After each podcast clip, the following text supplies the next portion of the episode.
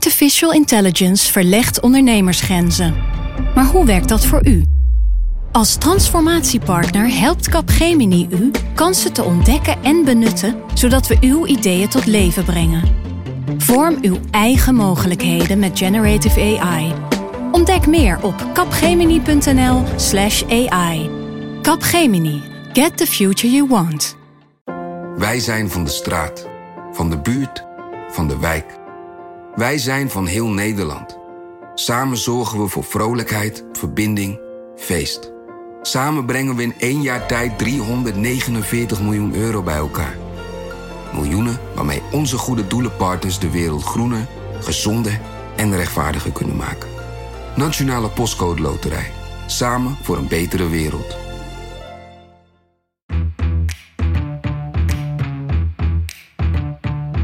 Dit is Haagse Zaken van NRC. Mijn naam is Lemja Aharoy. De Nationale Vergaderzaal is leeg. De agenda van de Tweede Kamer voorlopig ook. De Haagse wandelgangen zijn uitgestorven. Het zomerreces op het Binnenhof is begonnen. Dat is een goed moment om in Haagse Zaken eens terug te kijken op het afgelopen politieke seizoen. Hier op ons congres in Den Bosch stap ik het podium af. Dames en heren, uh, Rob is de nieuwe fractievoorzitter van D66. Nou, de ChristenUnie speelt het nu dus keihard. En dan dreigt er natuurlijk een breuk. Vandaag ook de FNV-leden in meerderheid voor het pensioenakkoord stemden. Aan de orde is het afscheid van de heer Buma van het CDA. Willen wij komen tot een verstandige CO2-heffing? Uh, het is gelukt. Uh, we hebben een klimaatakkoord. Uh, ik vind dat het beter is geworden dan we konden verwachten. Erg enthousiaste Erik Wiebes over uh, het klimaatakkoord dat na maanden onderhandelen uh, was gelukt. We gaan het erover hebben. Bij mij aan tafel Guus Valk, chef van de politieke redactie. Peter de Koning, politiek redacteur. En Tom-Jan Meijers, politiek columnist. Welkom alle drie. Even terug de tijd in. Begin januari. Guus, Petra, jullie zaten toen bij mij aan tafel. Het was de eerste Haagse Zaken van 2019. Even de context van die periode. Hè. Klaas Dijkhoff die had net uh, nee gezegd tegen het klimaatakkoord in de Telegraaf. Had meteen collega Rob Jetten een drammer genoemd. Er was toen nog geen klimaatakkoord. Er was ook geen pensioenakkoord. Uh, de kwestie Lilian Hoek was opgelost, maar hing nog wel een beetje in de, in de lucht, het kinderpardon. En ik dwong jullie, zeg ik er maar eventjes bij, uh, Guus en Petra, tot een uitspraak of Rutte 3 zou vallen of niet. Even terugluisteren. En als ik jou die vraag dan stel, gaan ze het redden of gaan ze het niet redden? Wat is dan daarop uw antwoord? Ik moet het zeggen, hè? Ja, dat moet. Oké, okay, dan ga ik mezelf sterfelijk belachelijk maken ja. en zeggen: um, uh, Rutte 3 uh, haalt 2020. Ja, Guus, uh, Petra, overigens voor de duidelijkheid, wij dachten allebei dat ze wel zouden vallen, hè? Ja. ja. Guus, dit is je moment om je gelijk te halen. Komt... Uh, Neem je podium. Ik, ik, kan me inschrijven voor de NRC Tourpool en dan ga ik me ook nog inschrijven. Het uh, kan veel winnen. Je bleek gelijk te hebben. Ze, zijn, uh, ze hebben toch, toch overleefd. Zo is dat. Hé, hey, wacht. Het jaar is nog niet voorbij, hè? 2020 zeiden wij. Ja. Maar ik denk er nu ook anders over. Oh, ja. dit is een moment waarop jij gaat draaien. Ja, jij niet dan? Uh, Tom Jan, dit is het moment waarop jij kan zeggen... ik heb nooit gedacht dat ze zouden vallen. Oh, ik, heb, uh, ik weet niet of dit in die periode was dat jullie die podcast opnamen... maar ik heb geschreven dit voorjaar ergens vroeg. Uh, dit is het begin van het einde. Oh, okay. dus ik, heb, ik ben on the record hier. En dit, volgens mij was het ook zo dat ik, ik baseerde, ik zeg niet zozeer op de algemene politieke collocatie... maar mm -hmm. op het feit dat vanuit twee coalitiepartijen... extreem negatief over de VVD werd gesproken. En het waren de ChristenUnie en vooral het CDA. En dat zat in de, in de leiding van de, van de partijen. En uh, ja, ik dacht, weet je, als je zo negatief over elkaar spreekt en je, en je hebt het in termen van uh, er is iets kapot gemaakt en zo, ja, weet je, en je gaat daarmee uh, openbaar, je, je praat op zijde openbaar mm -hmm. over hè, met journalisten, waarvan je weet dat die het gaan opschrijven. Dat was mijn idee en ik zat er volstrekt naast. Een factor die natuurlijk ook meespeelde in, uh, in de, de, periode dat wij dit, uh, die vorige aflevering opnamen, was dat de uh, geruchten over het vertrek van Rutte natuurlijk redelijk hardnekkig waren. Dat hij naar Brussel zou vertrekken. Dat bleek uiteindelijk ook niet het geval. Ik bedoel, is dat uiteindelijk een soort van lifesaver geweest? Moet ik het zo zien? Nee, dat denk ik niet. Was, tenminste, ik weet niet. Wat jij Dat- zegt van nee, denk ik ook niet. Het enige is natuurlijk, als hij was vertrokken, dan was het kabinet gevallen. Ja, maar dat Dus wist iedereen, Heel simpel. ja. Ehm, dat is overduidelijk niet gebeurd. Ehm, dus daarmee heeft het natuurlijk wel, eh, dat heeft natuurlijk wel gezorgd voor eh, een wat beter gevoel, denk ik, in de coalitie. Dat ze het inderdaad gaan, eh, gaan uitzingen. Het bleef Rutte trouwens zelf een beetje laconiek over, hè? Dat hij het niet werd. eh, dat hij het niet werd. Hij, hij moest er zelfs een beetje om lachen. Bent u zelf nog op enig moment genoemd? Nee, pijnlijk genoeg niet. U hebt het ook niet overwogen? Nee, geen seconde. Maar ik had het wel leuk gevonden als één keer mijn naam was genoemd. Maar helaas. Nee. Maar er speelde in die tijd natuurlijk van alles. En daarna ook nog dat hele vroege voorjaar. Ik bedoel, bleek dat de energierekening veel hoger uitviel. Eh, het ministerie van Economische Zaken had zich gebaseerd op verkeerde cijfers. Weet je. Ehm, ze hadden toch een beetje spijt gekregen van die klimaattafels. Want ze vonden dat die veel onzekerheid hadden veroorzaakt bij mensen. Veel onduidelijkheid over wat die klimaattafels dan voorstelden. Wat het kabinet zelf zou gaan beslissen.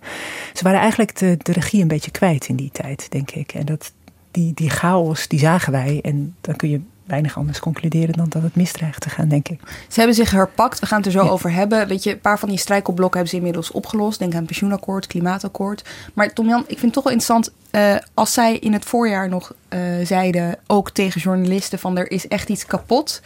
En nu gaan ze het reces in nog samen. Ehm, kun jij kort uitleggen waar dat dan aan ligt? Wat is er gebeurd in de tussentijd? Wat heeft het eh, geheeld? Volgens mij zijn er twee dingen cruciaal geweest. Het eerste is dat, dat ze in de, een aantal coalitiepartijen vrij vroeg in de gaten hadden dat Buma ging vertrekken. Ehm, ik herinner me dat, dat ik een rondje langs eh, fracties maakte. Na, pal na de statenverkiezingen. En dat toen eigenlijk duidelijk was binnen andere coalitiepartijen dat het zozeer rommelde in het CDA dat ze wisten Buma gaat weg. En daarmee wisten, ik denk dat dat gewoon een heel belangrijk moment is, omdat dat gaf de VVD tactische ruimte. En vervolgens heb je heel snel die toestand met het kinderpardon gekregen, waarbij het CDA eh, grof gezegd naar het midden stapte. En de VVD de calculatie maakte, eh, wij kunnen het laten vallen, het kabinet. Maar dan geven we het kinderpardon weg, want er is een meerderheid met het CDA voor eh, verruiming van het kinderpardon. En toen heeft uh, Dijker, Dijkhoff samen met Rutte, die hebben hun knopen geteld en hebben gezegd, we moeten zaken doen. Want ze waren als enige tegen binnen de coalitie. Ja, en daar heeft, en vervolgens, ik bedoel, dat heeft de atmosfeer totaal veranderd in de wetenschap dat Buma ging vertrekken. Hij was een stoorzender. Nee, maar ik denk wel, kijk, bij Buma speelde steeds, en dat is een aarzeling die bij alle partijen heeft gezeten. Alle partijen wisten niet zeker hoe het CDA in de wedstrijd zat. En dat, dat bleek heel erg rond het moment van de, het niet doorgaan van de afschaffing van de dividendbelasting. Er zijn gewoon mensen geweest in het CDA die hebben gedacht: dit is het einde van Rutte. En die Rutte die sprong er verschrikkelijk goed uit. Die deed een paar slimme opmerkingen. En wat hij heel goed kan is een nederlaag leiden. Zijn ego is echt niet groot. En, en gewoon doorgaan alsof er niks is gebeurd. Krasje opgelopen. Niks, wat is er aan de hand mensen? Ja. Uh, waar maken jullie je druk over? En dat was natuurlijk voor degene die dachten... ik, ik kan Rutte opvolgen. Buma. Ik kan de nieuwe premier van Nederland worden, was dat natuurlijk een tegenvaller. En dat heeft natuurlijk ook heel veel veranderd. En dat heeft eigenlijk. En dan heb je gelijktijdig in het CDA een, een, een oprechte stroming die zegt. Uh, er, wij hebben onvoldoende aandacht voor het christelijk sociaal denken, voor nou, kinderpardon. En die combinatie van factoren creëert eigenlijk dat aan de ene kant het logisch is dat begin dit jaar een enorm zagrijn is over het interview van Dijkhoff in de Telegraaf. Mm -hmm. En aan de andere kant, als mensen doorhebben, oké, okay, Buma gaat weg, het CDA gaat, uh, gaat zich herpositioneren. Dat mensen zien er is politieke ruimte om door te gaan. Dus soms is het toch logischer dan, je, dan wij zelf doorhebben. Met de kennis van nu, hè? om er maar even een cliché in te gooien. Wat wel meespeelt misschien is uh, bij die vier partijen... is dat ze ook wel door hadden dat ze, dat ze elkaar nu eenmaal hebben... en dat er daarbuiten niet zo heel veel is op dit moment. Um, het schrikbeeld is natuurlijk dat het kabinet zou vallen... en uh, zoals iemand het een keer zei, van, dat we dan straks met z'n zessen aan tafel zitten. Um, dit was toch ook een. een hè, dat werd bij de presentatie was voor mijn tijd, maar dat hebben jullie allemaal opgeschreven. Natuurlijk toch een soort van laatste kans, zou je Mhm. kunnen zeggen, van het politieke midden om te bewijzen dat ze het konden. De formatie duurde natuurlijk ook al heel lang. Het kwam niet zomaar uit de lucht vallen, dit, eh, dit kabinet. Nee, en als je dan in één keer zit en je, eh, je, je, je, je, verdedigt dat. Want wij, wij zijn de middenpartij, we leggen allemaal wat bij. Mhm. we, we, we snappen dat regeren moeilijk is, maar wij nemen onze verantwoordelijkheid. Eh, dan moet je wel van goede huizen komen om dat te laten vallen. Zelfs al was het een pijnlijk en, en ontactisch telegraafinterview. Dan moet, je wel, dan moet er wel meer gebeuren dan dat. En die, de, wil om, de echte wil om te vallen was er, was er denk ik niet uiteindelijk. Omdat ze doorhadden dat het alternatief nog verschrikkelijker zou zijn. Jij noemt eh, het kinderpardon, eh, breng je ter sprake, Tom Jan. Eh, dat was natuurlijk een akkoord dat redelijk als een verrassing kwam. Hè? Want de zaak Lili en Hoek was wel opgelost. Het leek voorbij te zijn en het CDA draaide alsnog. Maar er waren natuurlijk ook twee akkoorden gesloten afgelopen seizoen. Eh, waar al op werd gehoopt of waar al lang naartoe werd gewerkt. Laten we beginnen met het klimaatakkoord, veel besproken. We gaan het niet helemaal hebben over alles wat er eh, in dat akkoord staat. Lees daarvoor vooral eh, de krant. Maar we gaan het wel hebben over de totstandkoming daarvan. Ik vind het wel interessant. Dit is nou typisch zo'n onderwerp waarover de coalitie van mening verschilt. Dat was ook het beeld wat steeds naar buiten werd eh, gebracht. Hè, van ChristenUnie en D66 versus VVD en CDA. Nou, dat interview waar we het over hebben gehad, dat speelde daar natuurlijk ook een, een rol in. Hoe ging dat achter de schermen? Want ze zijn dus toch tot elkaar gekomen eh, op, eh, op dit onderwerp. Wie heeft daar bijvoorbeeld een leidende rol in gespeeld?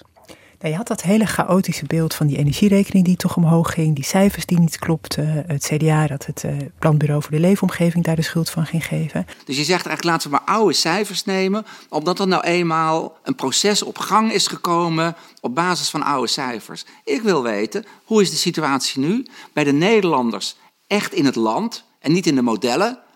En wat voor beleid baseren we daarop? En toen heeft, volgens uh, mensen die daarbij betrokken waren, Dijkhoff het, het uh, initiatief genomen en gezegd: jongens, we moeten bij elkaar gaan zitten, we moeten iets doen. Toen is afgesproken dat er toch een CO2-tak zou komen. Dus dat wilde eigenlijk de VVD en het CDA niet.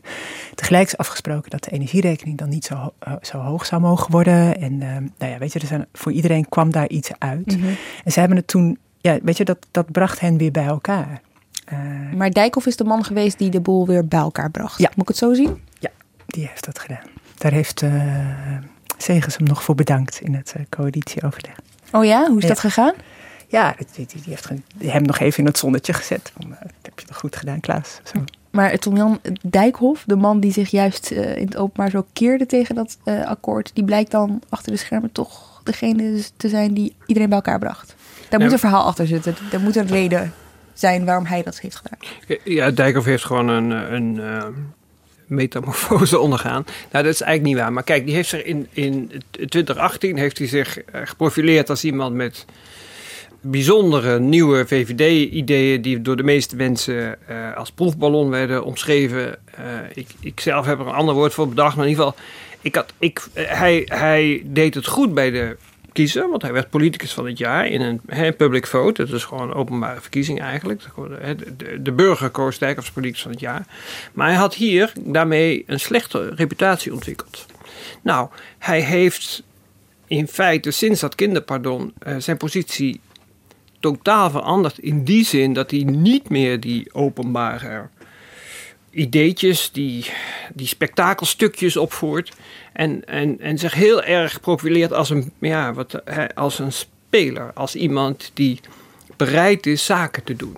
En het heeft ook met te maken met deze analyse die in de VVD al langer in discussie is. Die door mensen als Ben Verwaaien eerder ook zijn geopperd. Ben Verwaaien is een vooraanstaand, zeer vooraanstaand adviseur van de partijtop. Een uh, man met... Uh, met veel uh, hoge banen in het bedrijfsleven. Die hij heeft gehad, niet meer heeft. Maar die al 50 jaar meeloopt eigenlijk in de VVD-top als adviseur. En die hebben de analyse gemaakt.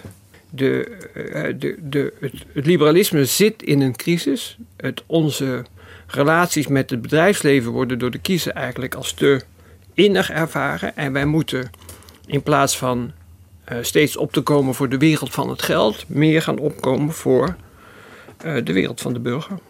En, uh, en de macht van het geld kleiner maken en de macht van de burger groter maken, dat is in grote lijnen denken. En uh, je ziet eigenlijk sinds dat Dijkhoff een discussiestuk heeft gebracht dit voorjaar eh, zie je dat hij, dat ja, in grote lijnen zit daar het denken van verwaaien in. En dat is relatief, voor, voor VVD-begrippen erg anti-bedrijfsleven en erg voor middeninkomens en dus minder enthousiast over het steunen van de hoogste inkomens. Ongelooflijk toch? Dat de regeringspartij, die ook al zo lang eh, aan de knoppen zit, op deze manier ook durft eh, eh, zichzelf te heruitvinden, vind ik zelf. Het is totaal fascinerend dit. Want dit hebben we nog nooit eerder gezien. Tenminste, ik heb het nog nooit eerder gezien. Dat, dat een, de grootste regeringspartij zich op, op deze manier herdefinieert eigenlijk. En wat, is de no- wat, wat zagen ze als noodzaak om dat midden in een regering, een regeerperiode te gaan doen? Je zou, je zou denken, je bent, je bent aan het regeren, je bent daar al heel druk mee bezig. En dan ga je ineens ook van kiezersgroep eh, switchen of je gaat het proberen te verbreden. Het, het lijkt een onlogisch moment op eerste, in Eén eerste woord, instantie. balkenende. Aha. Dat is, dat is uiteindelijk natuurlijk het schrikbeeld, toch? Daar is iedereen bang voor. Zo'n man die er te lang zit, die, die, die een soort stilstaand water om zichzelf eh, creëert, waar geen ideeën meer ontstaan, die angstig is voor eh, verlies van macht, eh, eh, met vertrouwelingen werkt. Dat, dat, daar zijn ze natuurlijk allemaal bang voor. Dat, Ja. dat zo'n soort scenario zich ook hier gaat eh, voltrekken. Dat gebeurt gewoon heel gauw bij een partij die een machtspartij aan het worden is. En de VVD is dat natuurlijk nu al een hele tijd. En is het idee hè, over, want we hadden het over zijn rol van Dijkhoff in dit hele klimaatdossier. Is het idee dan ook, ik ga me constructiever opstellen? Wat ik interessant vond aan de positie van Dijkhoff, eigenlijk al vanaf het begin, eigenlijk al vanaf de tijd van het Telegraaf-interview tot aan nu, is dat hij eh, probeerde te verwoorden wat bijvoorbeeld Sibrand Buma van het CDA ook deed. Heel erg eh, probeerde te verwoorden van ga niet te snel, kom niet met, eh, met grote toekomstvisies over mensen moeten allemaal aan de warmtepomp of mensen mogen geen gaskachel meer en geen open haard meer, et cetera. Ehm, maar in tegenstelling tot het CDA liet hij daarbij niet liggen en begon hij zich wel degelijk in het onderwerp te verdiepen. en kwam hij ook met oplossingen aan. Dus bijvoorbeeld het warmtefonds, eh, wat helemaal geen eh, liberale oplossing is eh, voor het probleem dat mensen geld nodig hebben om een, bijvoorbeeld een warmtepomp aan te schaffen. Dat de overheid dan maar dat geld moet lenen daarvoor. Dat is, bij, dat is een links idee, zou je kunnen zeggen.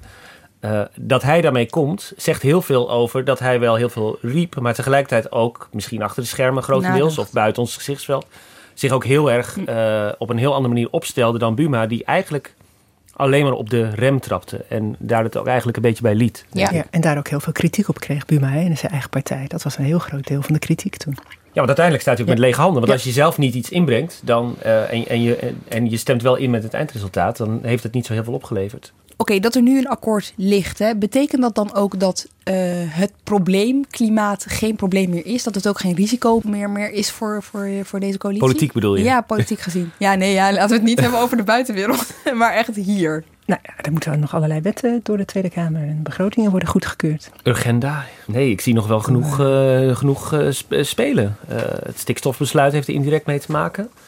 Lelystad. Ik, eh, ik denk niet dat het probleem van tafel is. Integendeel.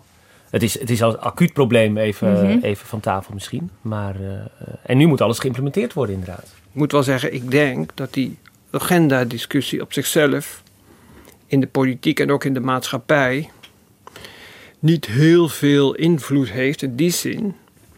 Dat ik, eigenlijk- dat ik persoonlijk wel denk, anders dan eh Guus en, en Petra, dat het klima, het, het- de klimaatdiscussie in grote lijnen nu wel gepacificeerd is. Omdat er zal natuurlijk altijd discussie zijn over individuele maatregelen en zo.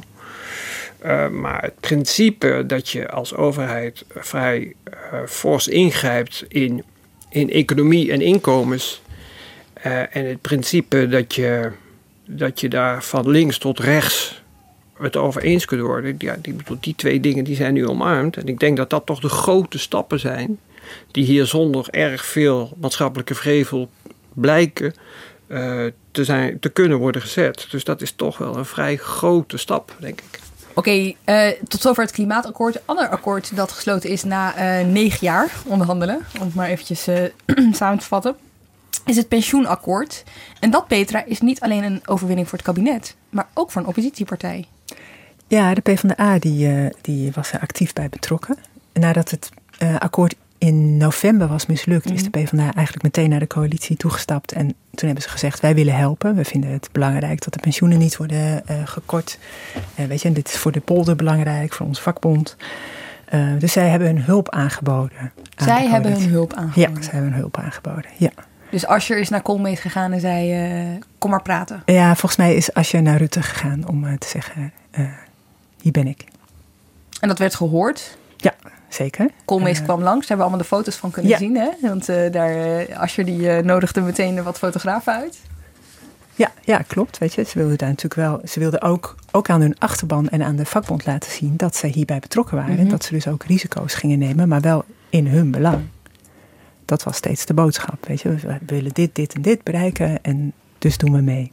Hebben ze daarmee ook krediet opgebouwd bij het kabinet? Ja, zeker. Ja, die vinden dat als je zijn nek heeft uitgestoken bij, eh, door, door mee te doen, dus die, die, eh, die vertrouwen hem nou wat meer. Weet je, dus daar moeten ze bij de PvdA wel een beetje om lachen. Want toen gingen ze het klimaatakkoord eh, sluiten met z'n vieren, de coalitiepartijen. En toen kwam Wiebes, die is geloof ik twee keer langs geweest. En die kwam dan ze erbij betrekken. Maar hij kwam het vooral vertellen, weet je. Oh ja, En het dan was meer monoloog bij de PvdA, wat, maar wat, wat wil je nou van ons? Ja. Nou kijk, we hebben heel veel aan de arbeidsmarkt gedaan. Dus het is ook voor jullie... eh, nou ja, dat, dat, dat vonden ze bij de PvdA eigenlijk maar niks. En zeiden van ja, weet je, stuur het maar gewoon naar de Tweede Kamer. En dan gaan we het, eh, gaan we het bekijken. Ja, dus bij, maar bij het pensioenakkoord namen ze dus een andere houding aan dan bij het klimaatakkoord. Ja, ja zeker. Voor het pensioenakkoord, daar was voor hen ook gewoon veel te halen. Dat is ook hun eh, core business, weet je. Ze willen daar met die arbeidsmarkt en pensioenen willen ze gewoon eh, scoren. Ja, maar heb ik dat nou gemist? Of hebben ze er weinig eh, mee, eh, hoe moet ik dat eh, zeggen, eh gekoketteerd? Weet je wel, dat dat akkoord er was dankzij hen. Ik heb, ze, ik heb Asje daar bijvoorbeeld weinig over gehoord. Nou, je kunt het ook niet helemaal uitventen natuurlijk. Maar het feit dat ze, dat, dat, dat ze zo in de openheid lieten zien dat Koolmees bij hen langskwam... en dat er eindelijk weer iemand op dat, dat benauwde gangetje daar eh, eh, naar hen toe kwam... Mhm. Dat was natuurlijk wel een, dat was hun moment, denk ik, waarop ze dat, dat signaal ook aan de achterban duidelijk maakten. Ja. Het is natuurlijk voor de PvdA wel een heel belangrijk moment geweest. Zeker. En de dat SP, ze weer meetellen. Ja, ja, ja, en de SP was er tegen. hè. En de SP-invloed in de vakbond is natuurlijk ook heel groot. Dus ze hadden, ze hadden nog een gevecht te winnen. Ze hebben, ze hebben wat dat betreft twee keer gewonnen, de PvdA. Want ze- hun standpunt binnen de FNV heeft dus ook uiteindelijk... Ja. Is het nou voor die coalitie ook, eh, hebben ze voorkeur? Want straks in de Eerste Kamer kunnen ze natuurlijk kiezen hè, eh, met welke partij ze samen willen werken. Het kan met de PvdA, het kan over eh, de kant van GroenLinks. Hebben ze nou voorkeur met welke partij ze graag zouden? Nou, als je ze zo hoort, dan, dan willen ze toch wel voor het klimaat en zo het liefst bij de PvdA terecht. Maar ja, daar zeggen ze van, nou, moet het eerst nog even zien. En denk aan de huurders, die moeten worden beschermd. Of mensen met een, met een klein huis en weinig inkomen. Weet je, die moeten het allemaal wel kunnen, kunnen betalen. Dus die, ze willen er zeker allerlei dingen voor terug. Maar ze richten zich nu vooral vanuit de coalitie op de PvdA, denk ik, de komende tijd. En wat staat er heel hoog op het wensenlijstje van de PvdA? Nou, wat, wat ik zei, hè, huurders beschermen. Ja, ja. Maar ook, eh, weet je, ze willen dat uh, leraren salaris omhoog gaan. En eh, meer geld naar het onderwijs. Weet je, dus ze hebben een heel, heel lijstje met, eh, met eisen. Eigenlijk één intern ding, dat slaan we over, maar dat fascineert mij zelf wel heel erg. Dat pensioenakkoord is ook een, in, binnen het kabinet ook een soort eh, vrede die heel lang niet heeft eh, kunnen ontstaan tussen Wouter Koolmees en Wopke Hoekstra. De minister van Financiën en de minister van Sociale Zaken. Kijk, we, de- we hebben de minister van Financiën die heel ambitieus is. Die, die steekt dat ook niet onder stoel of banken. Maar die is in de Haagse binnenwereld een betrekkelijk stijve figuur. En die is dus steeds heel moeilijk te vermurwen. Om, eh, ook in het concrete geval van het pensioenakkoord, om voldoende geld vrij te spelen. Om dat eh, ter beschikking te stellen. En die, en die heeft ook vaak de houding. Eh, ja, kijk, ik ben hier minister van Financiën. Dat, dat, dus dat allemaal hele bijzondere wensen zijn. Daar ik, daar ga ik me niet heel erg in verdiepen. Ik moet op de staatskas letten. En ja, als er eventueel dan geen pensioenakkoord komt, ja, dat is niet, ja dat, als dat het effect is van een zuinige overheid, dan moeten we dat. Nou ja, hij is, iemand, hij is iemand die echt die zich heel, heel eh, nonchalant, onwrikbaar kan opstellen. En hij is ook iemand van wie soms wordt gedacht, ik zeg het bewust voorzichtig, dat hij niet altijd over de goede sociale antenne beschikt. Ik zal nog één snel voorbeeldje tussendoor gooien. Eh, ik heb afgelopen week geschreven over Cora van Nieuwenhuizen, die in het laatste kabinetsberaad over het klimaatakkoord eh, Minister, hè? eh, te horen kreeg. ik moet even snel uitleggen. Er was de avond voor was er een coalitieoverleg geweest. En daar waren de laatste puntjes op de i gezet. En zoals dat gaat, Rutte was er niet, belangrijk detail. Hugo de Jonge zit de ministerraad voor. Eh, we hebben nu een terugkoppeling, zegt Hugo de Jonge, van ehm, eh, het klimaatoverleg van gisteravond. Voor de duidelijkheid, Cora van Nieuwenhuizen zit daar niet in. Ehm, die terugkoppeling wordt gegeven door Wopke Hoekstra. En hij zegt, we gaan rekening rijden. Punt. Cora van Nieuwenhuizen Cora is van Nieuwenhuizen VVD'er was dus en minister van Infrastructuur. En die had de afgelopen weken, hoewel die discussie al een beetje aan het, zich aan het openbaren was, had steeds gezegd: dit kabinet gaat geen rekeningrijden invoeren. Nou, in die kale context, we gaan rekeningrijden, dat, dat je kon weten dat dat bij Cora van Nieuwenhuizen tot zekere oprispingen zou kunnen leiden. Ehm, ja, kijk, en Wopke Hoekstra is zo iemand die dat soort dingen dan zegt. En het is gewoon eerlijk gezegd sociaal zeer onhandig, tenzij hij er een ander plan mee heeft. Maar het is, ja, dus dit soort dingen eh, gebeuren rond hem. En terug naar dat pensioenakkoord. Nee, nee, wacht even. Wat Nou. gebeurde er toen met Cora van Nieuwenhuizen? Ook Cor van Nieuwenhuizen, die, die, die zei eh, ter plekke, in dat geval stap ik, eh, stop ik ermee. Die, dat, ik parafraseer nu de letterlijke citaten die ik doorkreeg. Die wisselden een beetje, dus ik, ik, ik durf ze niet eh, letterlijk Ja. weer te geven. want Dat kan ik niet. Maar ik weet zeker dat zij heeft gezegd, eh, als dit zo is, dan stop ik ermee. En wie heeft en vervolgens, vervolgens is er eh, contact ontstaan op advies tussen haar en de fractieleider van de VVD.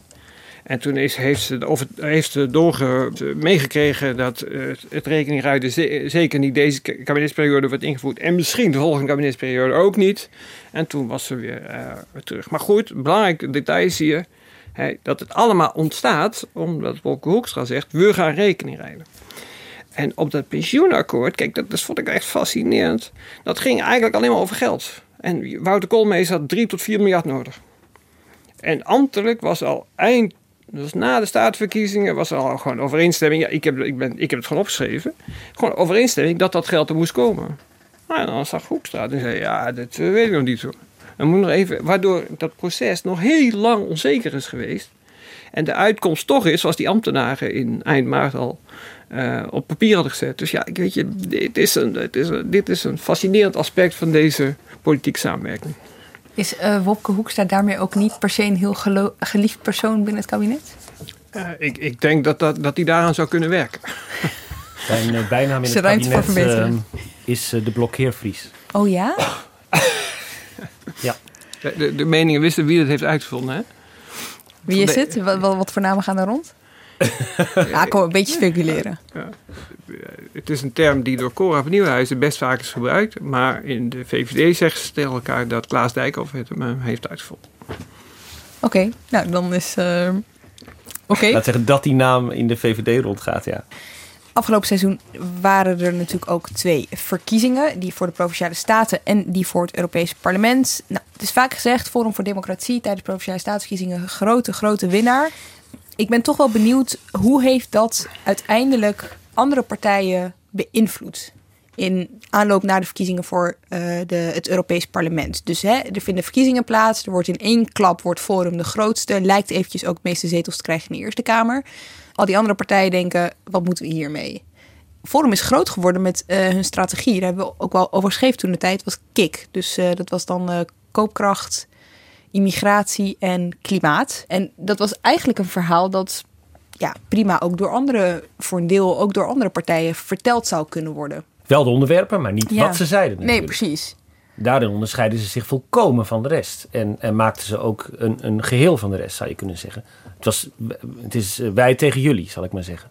Dat heeft hen uiteindelijk wel weer heel goed gedaan. Dus ze kozen weliswaar voor gangbare onderwerpen, maar gingen dat debat op zo'n manier aan dat zij eh, zichzelf helemaal loszongen van de rest. Ja, maar toch is het ook wel een verhaal dat eh Tom Jan eh, bedreigend kan zijn voor bijvoorbeeld CDA, VVD, misschien zelfs een beetje D66. Nee, maar ik denk inderdaad voor Forum, dat was natuurlijk, dat zat ook een beetje de uitslag van eh, de statenverkiezingen. Dat, kijk, Forum had van, vanaf het moment dat ze binnenkwamen, wonnen zij in de peilingen van een beetje van de PVV, maar ook van CDA, VVD en zelfs D66. Dus dat was, een, was een rechtse partij met potentie om in het midden ook in te breken. En ik denk zelf, ja, ik persoonlijk, maar goed, eh, dat is mijn eh, kijk op politiek. Ehm, ik vond zelf het meest fascinerende moment van het afgelopen half jaar, vond ik de beslissing van de VVD om in tegenstelling tot wat ze altijd sinds Rutte met eh, partijen op de rechterflank, ter rechterzijde van de VVD hadden gedaan, om ervoor te kiezen om Baudet in de Europese campagne, hè, na de ervaring met de statencampagne, eh, direct aan te gaan vallen. Eh, en een vorm van, van confronterend campagne voeren. Je kunt het negative campaigning noemen, maar dat gaat misschien te ver, want het was allemaal nog heel erg in het zakelijke en inhoudelijke. Maar die keuze is denk ik een, een, een, een tactisch enorm interessante keuze geweest. Dus wat ze deden was bijvoorbeeld op sociale media filmpjes uh, waarop Baudet iets zei. En dan vervolgens ging Rutte daar in dat filmpje op reageren. Ja. En uh, natuurlijk het debat bij Pauw, waarin, ze, waarin Rutte en Baudet met elkaar in debat gingen. Onze taak volgens mij als politici is het land veilig en stabiel houden. Zorg dat er banen zijn, dat het land veilig is, dat we vooruit kunnen. En op een of andere manier zie ik u steeds flirten met hele extreme ideeën. U praat over de boreale wereld. U praat over homeopathische verdunning. En nog deze week zagen we een aantal uitspraken van u over vrouwen, waarbij u zei: ja, vrouwen zijn minder ambitieus. Vrouwen stemmen meestal links. Vrouwen excelleren niet en ze zijn eigenlijk altijd bezig met gezinsdingetjes. Ik was zo benieuwd, gewoon, waar komt dat vandaan? Waar die behoefte om dit soort raillerende, extreme teksten te uiten, u aan de rand van het debat te plaatsen, wat niets helpt, wat mensen tegen elkaar opzet. Waarom doet hij zegt het letterlijk, hè? aan de rand van het debat plaatsen. Dus hij, hij, hij zet hem echt aan de buitenkant neer, rechts buiten om, om, om uh, precies te zijn. Jij zegt dat, is, dat was de strategie. En, ja, dus kijk, die partij, hè, zij wilde de, ze, hè, ze hadden zichzelf kwalijk genomen eigenlijk achteraf.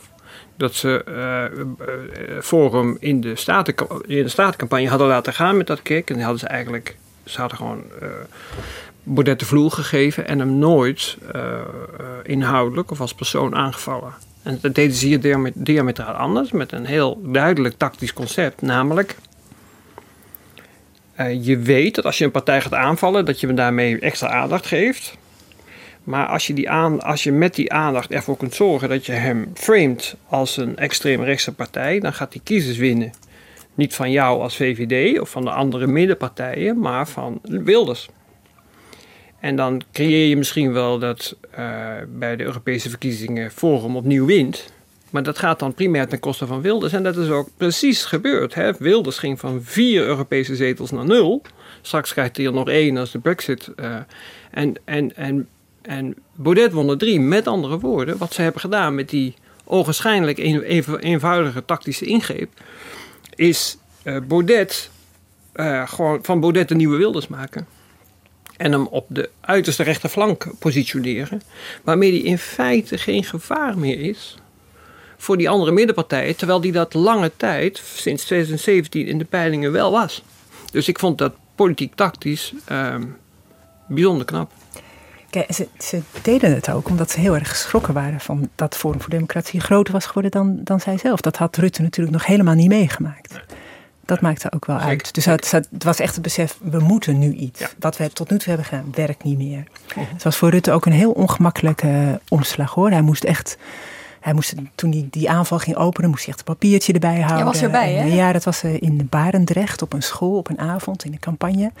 En toen hij was hij een beetje nerveus van tevoren. Je zag het echt. En dat, hij ging alles voorlezen. En hij ging Baudet ook heel letterlijk aanvallen, weet je wel, voorlezen. Dat doet hij normaal niet? Nee, dat doet hij nooit. Nee, dat doet hij nooit. Dus het was voor iedereen duidelijk, oké, okay, nu gaat er echt iets helemaal veranderen in deze campagne. Ja, waren ook veel journalisten uitgenodigd, hè, toen hij, die, ja. uh, toen hij dat praatje ging houden. Ja. Zo van, jongens, kom maar allemaal kijken, want ik ga hem uitdagen. Ja, zeker. Ja, dat was heel grappig. Wat ook opviel uh, tijdens uh, de Europese verkiezingen was natuurlijk de enorme winst van de PvdA. Die waren tijdens de Tweede Kamerverkiezingen nog echt tientallen zetels kwijtgeraakt.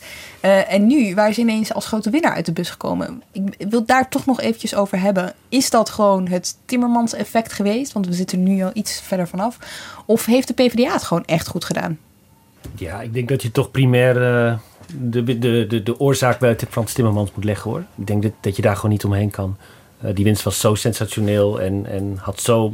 De campagne was zo overduidelijk geconstrueerd rondom een zeer zichtbare, geprofileerde persoon. Uh, dat, dat, dat het zeker aan Timmermans lag. Lag natuurlijk ook aan de boodschap die hij bracht. En die Partij van de Arbeid in zijn kielzog ook bracht. Mhm. Mm -hmm. um, en blijkbaar, zo denken PvdA's zelf, dat het tenminste altijd over is was daar dus ook behoefte aan. Eh, grofweg eh, is, is, is hun idee in ieder geval dat. eh, zeg maar, ben je voor of tegen Europa een verouderde discussie is. Vat ik het even samen. Dus wat D66 doet met campagne voeren met voor Europa, dat werkt niet. Ja, uit je leven verwijderen van Europa, dat gaat ook niet. Nexit, zoals de PVV campagne voerde. Eh, maar tegelijkertijd, eh, Frans Timmermans had een soort van pragmatisch eh, pro-Europeanisme, zou je kunnen zeggen. Waar mate. kiezers blijkbaar behoefte aan hadden. ja. Eh, en hij bespeelde dat instrument een stuk beter dan bijvoorbeeld de VVD met Malik Asmani. Dus het is, je zou kunnen zeggen de combinatie van persoon... en misschien wel onze kans op een voorzitter van de Europese Commissie... om eens wat te noemen. Helaas niet gelukt voor hem. En de, de, de, in combinatie met de inhoud. Ja. En eh, s- zien jullie nu bij eh, de PvdA hier dat, dat het een soort van zelfvertrouwen oplevert? Zo van, oh ja, zo voelde winnen. Zo was dat ook. Zo was dat dus. Ja, tuurlijk. Ja, dat is onmiskenbaar. Waar merk je dat Ja. aan bijvoorbeeld? Nou ja, en hoe, hoe ze zich opstellen. Ik bedoel, je merkt het ook aan. Ja, weet je, in alle opzichten groeit het zelfvertrouwen bij Ja. die Kamerleden. Ze hebben het gevoel dat ze nu de lijn te pakken hebben. Weet je, niet, ehm, eh, jezelf niet overschreeuwen, rustig aan. Heel erg focussen op thema's die vinden dat ze die bij hen passen. Weet je, eh, anderhalf jaar geleden was Asje nog bezig met een migratie-essay te schrijven. Nou, dat ligt ergens in een lade, gaat hij nooit meer afmaken. Want ze hebben bedacht dat dat natuurlijk niet iets is waar- waarmee ze gaan eh, scoren electoraal. Ja. Ze zitten nu heel erg op zekerheid. Hè? Hebben ze een reclamebureau voor inge- ingehuurd om eh, dat woord vast te stellen. Maar daar gaat het eigenlijk om. Als je kijkt naar die uh, lerarensalarissen bijvoorbeeld. Of nou ja, waar je het net over had, die huurwoningen. Oké, hoe doen ze het eigenlijk in de peilingen voor de Tweede Kamerverkiezingen? Hebben we daar zicht? Heeft iemand daar zicht op? omhoog. Ze kruipen ook Ehm, omhoog, ja. dat zie je in peilingen heel erg gebeuren. Ehm, maar goed, je weet natuurlijk nooit uiteindelijk eh, hoe het, hoe, hoe het uit, uitpakt natuurlijk. Maar, eh, maar ze doen het natuurlijk ook wel redelijk goed. En, en Asscher is zichtbaarder, dus dat, dat helpt altijd wel.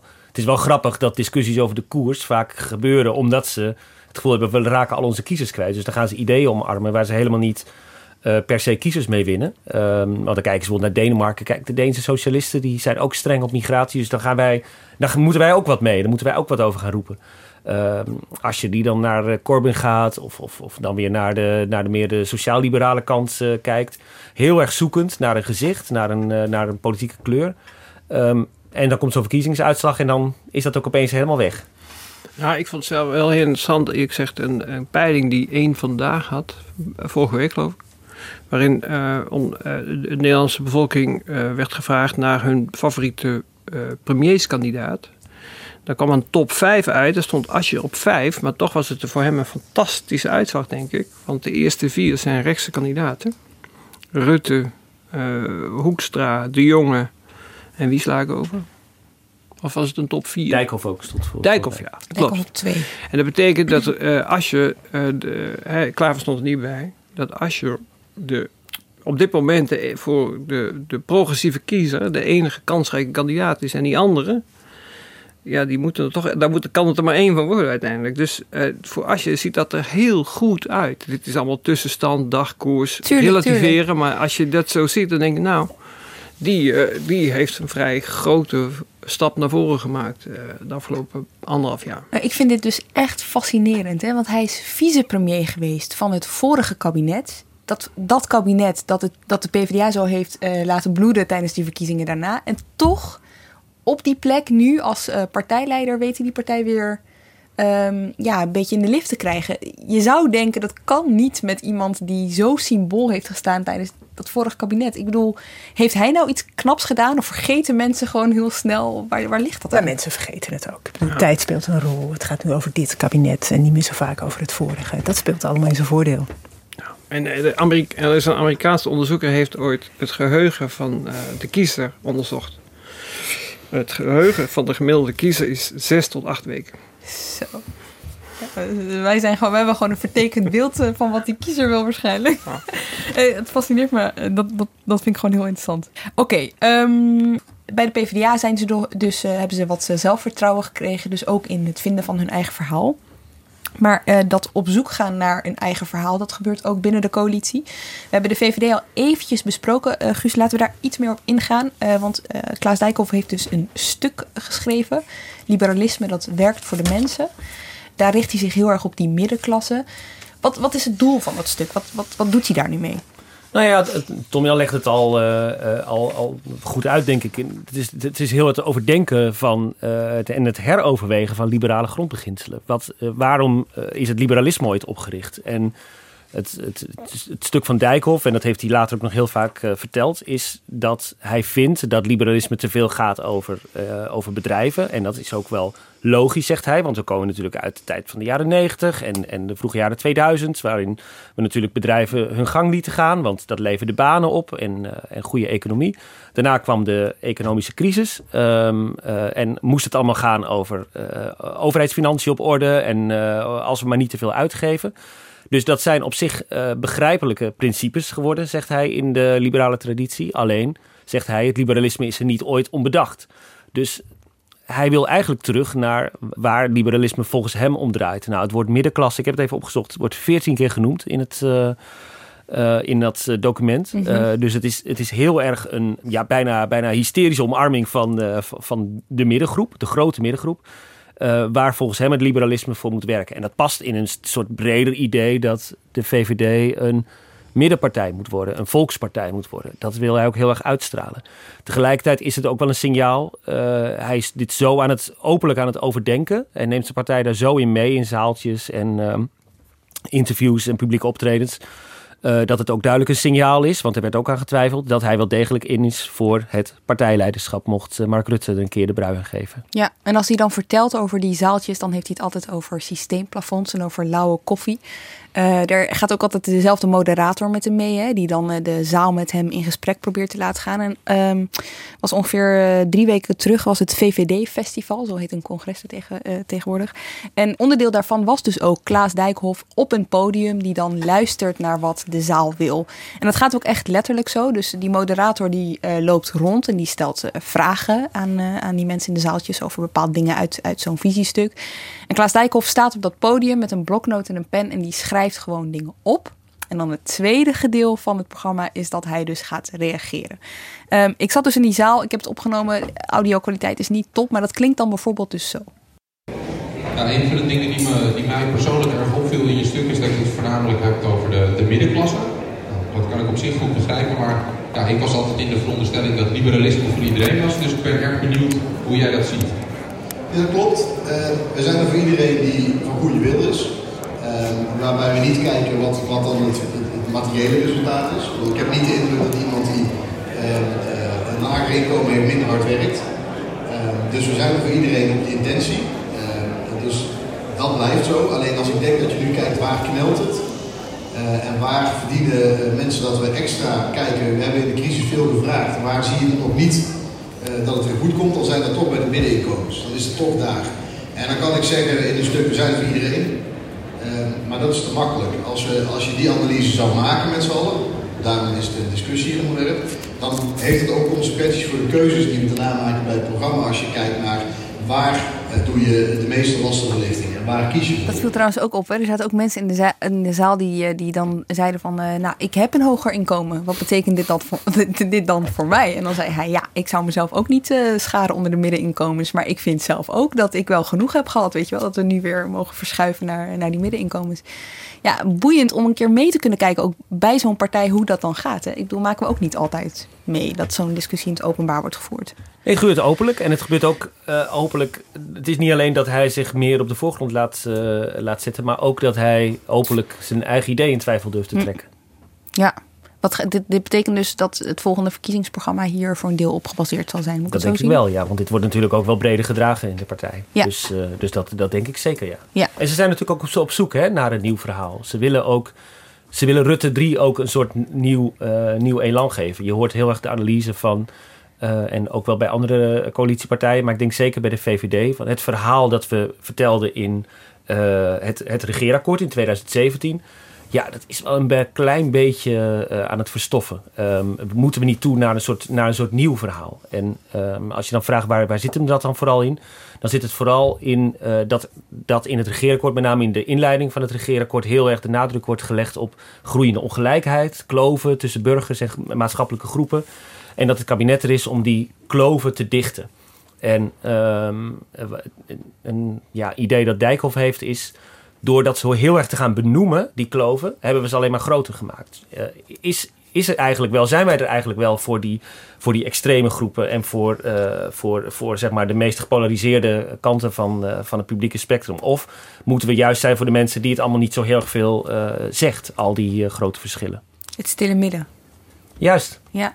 En ziet hij zijn eigen rol daarin ook? Weet je wel, bij, vindt er zelfreflectie plaats in het vinden van, weet je, als hij het heeft over het, het is te veel over die flanken gegaan?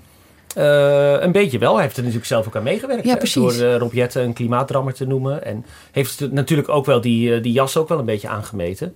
Um, dus probeert het ook wel, denk ik, op een andere manier nu te doen. Um, maar het heeft natuurlijk ook mee te maken met hoe ze zich hebben gevoed. Hè? Ze hebben zich, toen ze met de formatie bezig waren, hebben ze natuurlijk, zijn ze heel erg met die tegenstellingen bezig geweest. Onder meer door, uh, door Kim Putters, de directeur van het Sociaal en Cultureel Planbureau, vaak uit te nodigen. En met hem te praten over ongelijkheid en hoe komt het dan en wat kunnen wij als politici doen aan het verkleinen van die kloven. Um, ik denk dat daar ook wel uh, het, de, de, voedingsbodem bij hen is gelegd om het heel erg hierover te hebben de hele tijd. Ja, Kim Putters, uh, vaak geziene gast hier op het Binnenhof, ook rond de formatie. Was toen ook bij media uh, populair. Even naar hem luisteren wat hij zei tijdens de formatie in 2017. Ja, wij zien eigenlijk dat er uh, steeds twee dingen zijn. Aan de ene kant vinden mensen dat er aan zorg en onderwijs meer geld besteed moet worden. Dus een deel van het onbehagen zit in wat is mijn diploma waard, kan ik nog werk vinden. Maar iets wat minstens zo belangrijk is, of misschien wel belangrijker, zijn vraagstukken van integratie, immigratie, uh, cultuur. Uh, kunnen we nog zijn wie we willen zijn in dit land? Daar maken mensen, zijn de meer immateriële, dingen, daar maken mensen zich erg veel zorgen om. En ja, uh, je kunt uh, veel geld steken in de gezondheidszorg, maar daarmee neem je niet meteen de zorg in de wijken, in de buurten weg over veiligheid of over omgang met andere culturen. Ja, dit gaat heel erg over zorgen. Dit was dus in de formatie van 2017. Even fast forward na vlak na de provinciale statenverkiezing in 2019. Dan is het beeld een beetje gekanteld bij Putters. Er is wel degelijk een deel van onze samenleving, en dat telt zeker op tot zo'n 30 procent, dat eigenlijk heel tevreden is, gelukkig is, uh, positief kijkt naar de ontwikkeling in de wereld. Maar er is ook zo'n 30 procent die eigenlijk heel ver afstaat daarvan en zelf niet ervaart kansen op de arbeidsmarkt te hebben, weinig inkomen heeft, niet goed genoeg ja, eigenlijk naar de toekomst toe beslagen ten ijs komt. En daartussenin zit eigenlijk een hele grote groep van zo'n 40 procent die onzeker is over de vraag of je volgend jaar nog werk hebt. En of de open grenzen van Europa eigenlijk voor jou nou eigenlijk wel zo profijtelijk zijn. Nou, die drie sentimenten, die spelen continu een rol. En dat betekent dus niet dat we allemaal boos over straat lopen. Maar wel dat er een deel van de bevolking is die helemaal niet zo die, die grote gelukscijfers ervaart. En dan was er afgelopen week een rapport over uh, hoe Nederlanders denken over identiteiten. Denkend aan Nederland, ook van het SCP. En daar ging het weer, nou ja, dat nuanceerde het beeld eigenlijk nog net iets sterker. Nou, wij, wij zien wel dat in het publieke en politieke debat dat dat midden heel weinig aandacht krijgt. En dat de uitersten, want die zijn er ook. Er zijn mensen die vooral het behoud van tradities belangrijk vinden. En er zijn mensen die vooral die vrijheid heel erg belangrijk vinden. Ja, die krijgen heel veel aandacht. Ja, maar er gebeurt natuurlijk wel wat tussen die twee groepen. Hè? Uh, ja. Als je kijkt naar Zwarte Piet, maar als je ook kijkt naar de verkiezingsuitslag bijvoorbeeld. Ja, en dat is ook wel logisch, want er werd ook duidelijk gemaakt dat mensen ook wel zorgen hebben over de vraag of die Nederlandse identiteit niet onder druk staat. Dus dat komt bijvoorbeeld door de uitspraak die we denk ik allemaal wel kennen. Nederland is Nederland niet meer. Dat hebben wij heel vaak te horen gekregen. Mm. Dus ja, Nederland in Europa, de vraag of Nederland wel een zelfstandig land blijft. Ook de islam en de vraag of we wel met verschillende geloven in Nederland samen kunnen leven. Ja, daar maken mensen zich zorgen om. Dus is het ook wel logisch dat die uitersten wat vaker in beeld zijn. Mm. Maar het is ook weer een beetje onlogisch om die grote groep van bijna 80% van de Nederlanders nou nooit eens aan het woord te laten. Ja. En dat hebben wij gedaan. Ja, oproep tot nuance eigenlijk. Ja, eigenlijk wel. Ja. En deze oproep tot nuance, die gaan we dus de komende tijd ook bij de VVD zien. Nou ja, Kim Putters heeft, uh, heeft ongeveer uh, de bezorgde burger uitgevonden. Voor uh, CDA en VVD met name. Die hebben sindsdien bijna niks anders gedaan dan verwoorden wat die burger wel niet allemaal vond en, en, en beleefde. daar hebben ze ontzettend hun best voor gedaan. Um, dat laatste onderzoek laat zien, het laatste SCP-onderzoek van vorige week laat zien dat burgers helemaal niet zo um, ongelooflijk gepolariseerd zijn, maar eerder dat ze zich zorgen maken, maar dan over polarisatie. Dus dat is een heel ander verhaal. Um, uh, en als je, als je kijkt in dat onderzoek waar hebben ze negatieve gevoelens over, um, dan hebben ze dat vooral over politiek. Dus er is een, uh, dat is een heel ander verhaal wat ze daarmee. Uh, wat, wat, wat Kim Putters hier ook trouwens ook nu net zegt. Hij strooit ik met percentages ja. die natuurlijk ook. Um, ja, de duizelt je ook een beetje als je dat hoort. Want het lijkt wel een beetje met elkaar in tegenspraak. Precies. En wat wel interessant is, ik sprak hem afgelopen week. En uh, in aanloop naar uh, de Tweede Kamerverkiezing was hij natuurlijk veel te gast hè, bij verschillende politieke partijen. Juist over onderwerpen als identiteit en immigratie en die boze burger. En ik zei, nou, nu heb je er onderzoek naar gedaan. Uh, ik kan me voorstellen dat de uitnodigingen weer binnenstromen. Nou, dat was dan niet het geval. Nou, hij zag dat zelf dan een beetje van, hè, dat reces zit ertussen en dat komt allemaal nog wel. Maar toch zegt het denk ik wel wat. Dat op het moment dat het wordt onderzocht, dat er een feitenbasis is, dat, dat het dan wat minder... Ik denk dat die uitnodigingen wel komen, want ik denk dat VVD en CDA hun verhaal gewoon gaan aanpassen, eigenlijk. En dat die Kim Putters toets, waar Gert-Jan Segers het ooit over had, uh, namelijk de toets, uh, ver, verkleint dit de kloven in de samenleving, mm. dat je dat bij ieder uh, politiek besluit moet mee laten wegen. dat die ook een beetje, een beetje aan herziening toe is misschien. Ja, het interessante is dat de ChristenUnie ook bezig is met nadenken over een nieuw verhaal. Hè? Ook al is het niet zoals bij de VVD dat er één leider is en een leider die zichzelf klaarstoomt daarvoor. Het is gewoon Gert-Jan Segers die dat doet. Maar uh, zij omarmen bij de ChristenUnie nog heel erg die ongelijkheid en die kloof. Uh, ze zijn bezig met huiskamergesprekken te organiseren met uh, allerlei thema's. Er is er eentje geweest in de Pauluskerk um, in juni. En die ging over de groeiende ongelijkheid in Nederland. Weet je, dus voor hen is dat nog voluit het thema. En dan gaan ze met honderd mensen zitten eten. je kunt je aanmelden, je hoeft niet lid te zijn van de ChristenUnie. Het kost 15 euro als je mee wil eten. En ehm, Weet je, dan zit uh, Gert-Jan Zegers op een barkruk, wat mensen eromheen. En dan uh, hè, gaat hij ook luisteren, net als Dijk, of gaat hij luisteren. Ja. En uh, ze hebben dan na de zomer, komen ze met zo'n huiskamergesprek. Dat heet Wij Nederland. Maar ze denken er nog over om de titel te veranderen. En dan gaat het worden God, Nederland en Zwarte Piet. Oké, okay. dit zijn de twee opties. Ja? en dan komt er nog een, ja, jullie lachen. Maar dit, ja, waarom lachen jullie? Uh, wij Nederland, klink, nee, nee, wij Nederland klinkt als wij, maar als je het hebt over God. Wat was het nou? God, Nederland en Zwarte Piet, zijn wij dat niet? Ja, dat klinkt alweer een stuk uh, ja, ja. polariserender. Ja, ja, zeker, ze wilden het wat scherper maken, hè, dat werd mij uitgelegd. En de derde heet Grenzen aan gastvrijheid. Oké. Okay. En wat is het hoofdthema waar ze zich op, op, op willen, willen? Is dat dan ongelijkheid want ongelijkheid kan nou, gaan over, weet ik veel. Uh... Nee, ze zijn op zoek naar de sociale kwesties, de grote sociale kwesties van deze tijd. En daar willen ze ideeën over verzamelen. Wat, wat moeten we daarmee? Wat, hoe wordt er over gedacht? Dus, uh... Nou, kijk, als het, het, ja? de grote lijn van het verhaal lijkt nu te worden dat, dat alle partijen naar het midden op, opschuiven. En ik geloof wel dat hier in zoverre een nuance bij hoort dat op, op sociaal-economisch terrein is dat heel erg het geval. Maar ik weet niet bijvoorbeeld met de VVD of dat op het terrein van immigratie ook hm. zo is. Kijk naar het plan van afgelopen weken. Ja, ik denk, ik zeg dat die op dat gebied uh, uh, op de flank zullen blijven hangen. Dus, uh, dus kijk, de, de, de, de grote beweging zit op de economische thema's. Maar niet op de, nou ja, op, zeg maar de identiteitsthema's. Ja, en, ja nee, ik denk dat juist de ChristenUnie juist ook wat scherper op de identiteit ja, ja, wordt. Hè? Ja, ja, nee, dat is Gert-Jan Segers is daar ook duidelijk mee bezig. Ja. En uh, wil zich duidelijk ook wel een beetje uit het, uh, het linkse CDA uh, weghalen, zal ik ja, maar hoor, zeker. Ja. Dus maar hoe ziet dat er in de praktijk uit? Wat scherper? Ja, dat ziet er nog niet zo heel erg uit hoor. Ze zijn uh, nog zoekende. Ze hebben daar niet een heel duidelijk antwoord op. Maar weet je, als je met ze praat bij de ChristenUnie, dan zegt ze van ja, we willen mensen duidelijk maken dat we willen mensen zeggenschap geven over iets als migratie. Dat, ze daar, dat ze niet het gevoel hebben dat dat over hen heen komt, maar dat ze daar, hè, dat Nederland misschien ook wel gewoon veel actieve mensen naar, hier naartoe kan zou Mhm. kunnen halen. In plaats van dat het over je heen komt. En dan zit je al heel snel, kun je gaan denken aan dat je dan de vluchtelingen hier naartoe haalt die hier passen en de andere vluchtelingen niet. Weet je? En bij de VVD uh, hoor je daar iets over de manier waarop ze dit thema willen gaan bespreken de komende tijd? Als het gaat weet je, om dat nieuwe verhaal van, uh, van Klaas Dijkhoff. Hoe speelt uh, immigratie, integratie daarin een rol? Nou ja, wat Tom Jan zegt is, is op zich wel waar. Je, ze hebben zich nou net deze week, uh, heeft, heeft de VVD ja, een, een proefballon zou je kunnen zeggen opgelaten om het, het, strafbaar te maken dat je mensen uit de Middellandse Zee die, die, die verdrinken of anderszins geholpen moeten worden, dat je die helpt. Dat kan je natuurlijk niet zeggen van dat is een, dat, dat is een gematigd middengeluid of zo. CDA is ook bezig met het uh, vinden van een nieuw verhaal. Wat gebeurt daar allemaal, Tom uh, nou, ik zeg, uh, ik, ik, uh, nu vraag je mij te veel, want ik zie het voorlopig niet. Nou ja, oh wacht even. Nou ja, je hebt wel de beweging gehad, maar die is eigenlijk nog steeds in de maak. Dus bij, waarbij het Wetenschappelijk Instituut, het Christelijk Sociaal Denken, op beurt. En er is een commissie met mensen als Klink die, die, die daaraan werkt en een soort verkiezingsprogramma aan het voorbereiden zijn.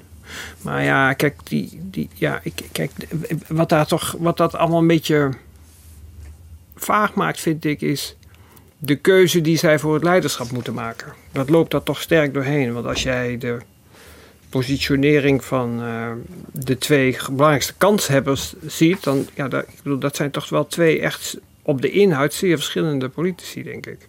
Bob Koeks en Hugo de Jong. Right. Dus ik, ik, ik zit daar een beetje in de mist te kijken zelf. Maar misschien uh, hebben jullie helderder uitzicht. Nou, ze doen het ook heel traditioneel, denk ik. Hè? Met zo'n commissie die, zonder dat we daar iets van merken of iets over horen, aan het nadenken is over de koers. Ja, daar heb je ook geen zicht op. En inderdaad, dit, dit is veel zichtbaarder dat er kandidaten lijken te zijn voor het leiderschap.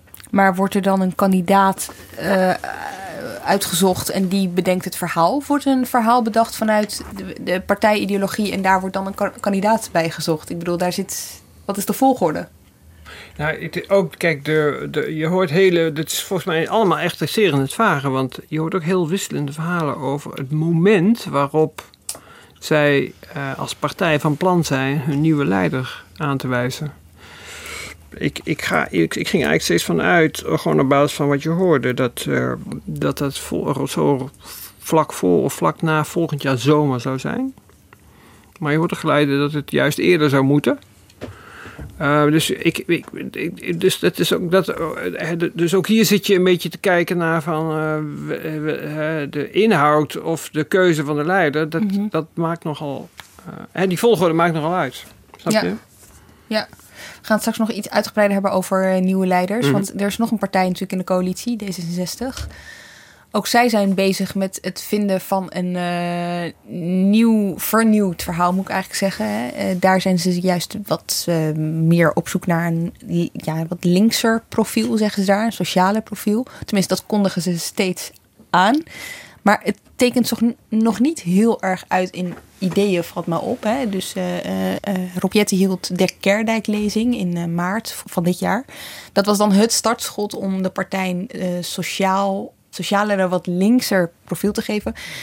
Maar goed, als je dan kijkt naar zijn ideeën. Hij hield vorige week toevallig nog een speech voor uh, de ISO, Belangenorganisatie voor, uh, voor studenten. En op het moment dat hij komt bij ideeën, dan zet hij daar heel vaak letterlijk een vraagteken achter. Dus dan stelt hij zich de vraag af, bijvoorbeeld, ik kijk nu even naar zijn speech van, uh, van afgelopen week. Was het halveren van het eerstejaarscollegegeld wel genoeg? Snijden we geen mogelijkheden af als we studenten vragen de volle map te betalen voor een tweede master? Dus in plaats van te zeggen we gaan het zo doen, stelt hij het vaak als vraag. Of hij houdt het nog een beetje in het vage. Dus uh, wat dat betreft, uh, ik weet dat ze socialer en linkser zich willen positioneren, maar hoe dat er in de praktijk uitziet, is maar de vraag. Wat we wel weten, is dat daar een leiderschapskwestie gaat uh, spelen komende tijd. En dat moet dan, Tom Jan volgens de statuten, in maart of voor maart volgend jaar gebeuren. Ja.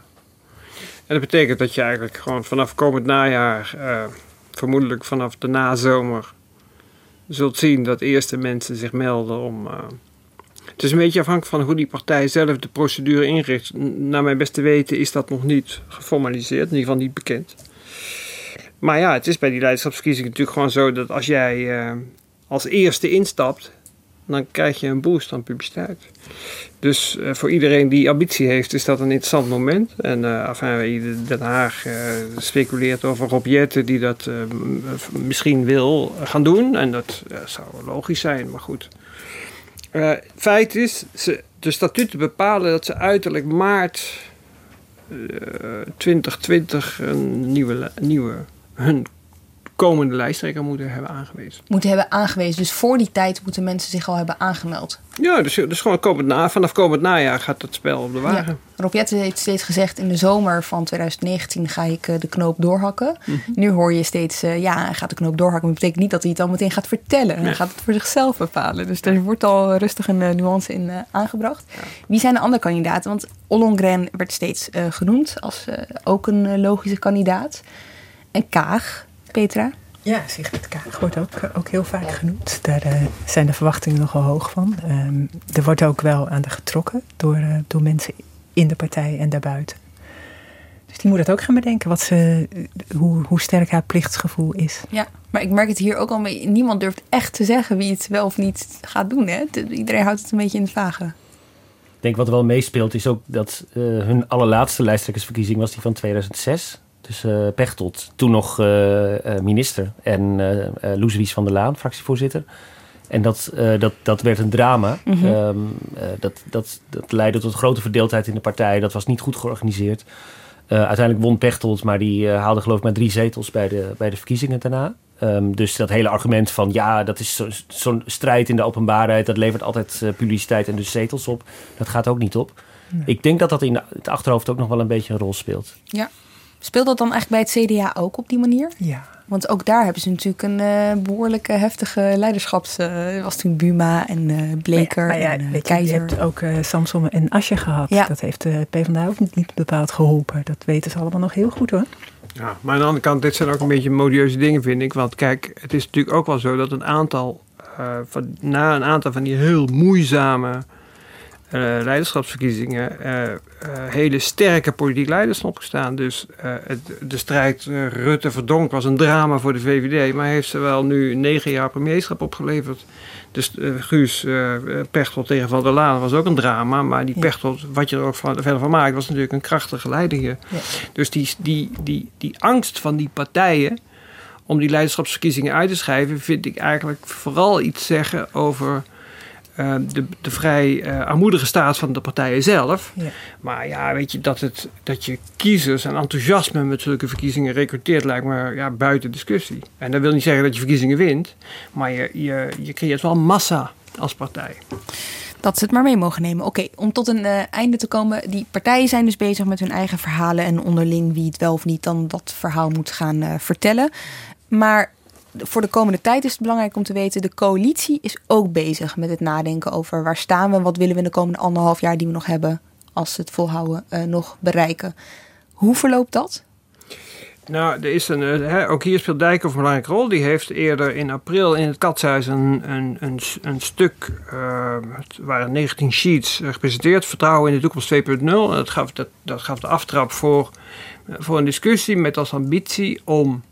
mocht het lukken om een uh, pensioen- en klimaatakkoord te sluiten, om in het najaar het kabinet, de coalitie, uh, ruimte te geven om het, het regeerakkoord te verversen. Omdat ze zien dat, dat eigenlijk de agenda een beetje op is, dus dan moet je hem vernieuwen. daarvoor is die aftrap gegeven. Daar hebben ze werkgroepen uitgemaakt, zogenaamde koppeltjes. Noem maar eens een paar. Uh, uh, dat, dat varieert van uh, de woningmarkt, Hoekstra met Ollongren. Staatkundige vernieuwing, dat is Dijkhof met Ollongren en Jette. Migratie is Dijkhof met Jette en zo heb je er een heleboel. Mm -hmm. enfin, het plan is om het, in dit na, om het najaar hier spijkers op het koppen te slaan. Afgelopen maandagmiddag om vier uur zouden ze hun tweede bijeenkomst hebben. Die hebben ze overigens ook gehad. Maar die, kwam onder, die begon onder niet zo'n heel gunstige gesternte. Want uh, Rutte kwam van de Europese top. Die had de hele nacht doorgeakkerd. En uh, veel van die mensen die in die koppeltjes zaten... hebben de laatste anderhalve maand ook moeten besteden aan onderhandelingen over het klimaat. Dus er was vrij weinig huiswerk gedaan en ze hebben het doorgeschoven tot na de zomer. Dus na de zomer pakken ze dit op. En wat levert het uiteindelijk op? Is dat een soort van uh, inlegvel in het regeerakkoord? Of hoe ziet dat eruit? Nou, ik denk wel dat ze duidelijk dat ze de oprechte ambitie hebben om op sommige onderwerpen, en die spelen wel. Kijk, bij Dijkhoff heeft in die, in die uh, voorzet ook gezegd, het punt gemaakt dat de middeninkomens beschermd of verbeterd moeten worden, even, zo nodig ten koste van alle inkomens boven 100.000 euro. En uh, wat ik daarover nu hoor is best interessant, want de, dus ze zijn inmiddels bezig met de voorbereiding van de begroting voor 2020, mm-hmm. die op Prinsjesdag wordt gepresenteerd. En de drie andere coalitiepartijen zeggen natuurlijk tegen Dijkhoff, uh, nou oké, okay, dat gaan we doen. Zeg het maar, uh, dat willen wij wel. En dan moet de VVD eigenlijk ermee instemmen dat het N-woord nogal wonderlijk wordt ingevuld. Want als je de middeninkomen steunt en je zegt iedereen boven een ton op nul, uh, dan kan je niet zeggen, nou, en de laagste inkomens krijgen ook niks. Want de Nederlanders, kijk, Gaan we het hebben over nivelleren? Dat, nou, en dit, kijk, dit is wat het effect zou zijn als je de woorden van Dijkhoff letterlijk overneemt. is een vrij extreme nivellering. En uh, dit zijn is een feest. Dit, dit zijn tussenstanden, jongens. Dus, dus uh, even oppassen met snelle conclusies. Maar wat, je natuurlijk, wat hier natuurlijk speelt is. durft Dijkhoff dat voorzetje wat hij heeft gegeven ook feitelijk in de praktijk te brengen. En eh, de eerste voortekeningen wijzen op aarzeling. Aarzeling. Ah, oké. Dus toch te snel geweest. Nou ja, dit is allebei die dingen. Het is natuurlijk ook zo, kijk, eerlijk is eerlijk. Dat, dat uh, voorstel, dat was voor het nadenken over een verversing van het regeerakkoord en niet voor de begroting 2020. Maar zo werkt politiek natuurlijk. Mensen gaan daar gebruik van maken, ja. Nivelleren en dan door de VVD, ja. Dat zou toch wel zijn, een Er zijn wonderlijke dingen aan de Oké, genoeg dus om uh, volgend jaar in de gaten te houden. En verhalen van politieke partijen en politiek leiders. En nou ja, dit laatste wat je nu vertelt is uh, zeker ook iets om uh, in de gaten te houden. Dank jullie wel. Peter de Koning, Guus Valk en Tom Jan Mees. Dank ook voor het luisteren. Volgende week zijn we er niet, want het zomerreces begint ook hier. Dit was dus de laatste aflevering, reguliere aflevering van Haagse Zaken voor dit seizoen. We gaan er een paar weken tussenuit, maar we komen nog in de zomer terug. Daarvoor, ik zei het vorige aflevering ook al even, hebben we jouw hulp nodig. Heb jij vragen die je altijd al hebt willen stellen? Dan is dit je kans. Die kunnen gaan over het werk van de politieke redactie, over politiek zelf, over iets anders dat met Haagse Zaken te maken heeft. Dus mail je vragen naar podcast.nrc.nl. En als je je dan abonneert, dan uh, ja, verschijnen de afleveringen vanzelf in je feed. Deze aflevering werd geproduceerd door Iris Verhulstonk. Ik wens je een fijne zomer. Tot snel.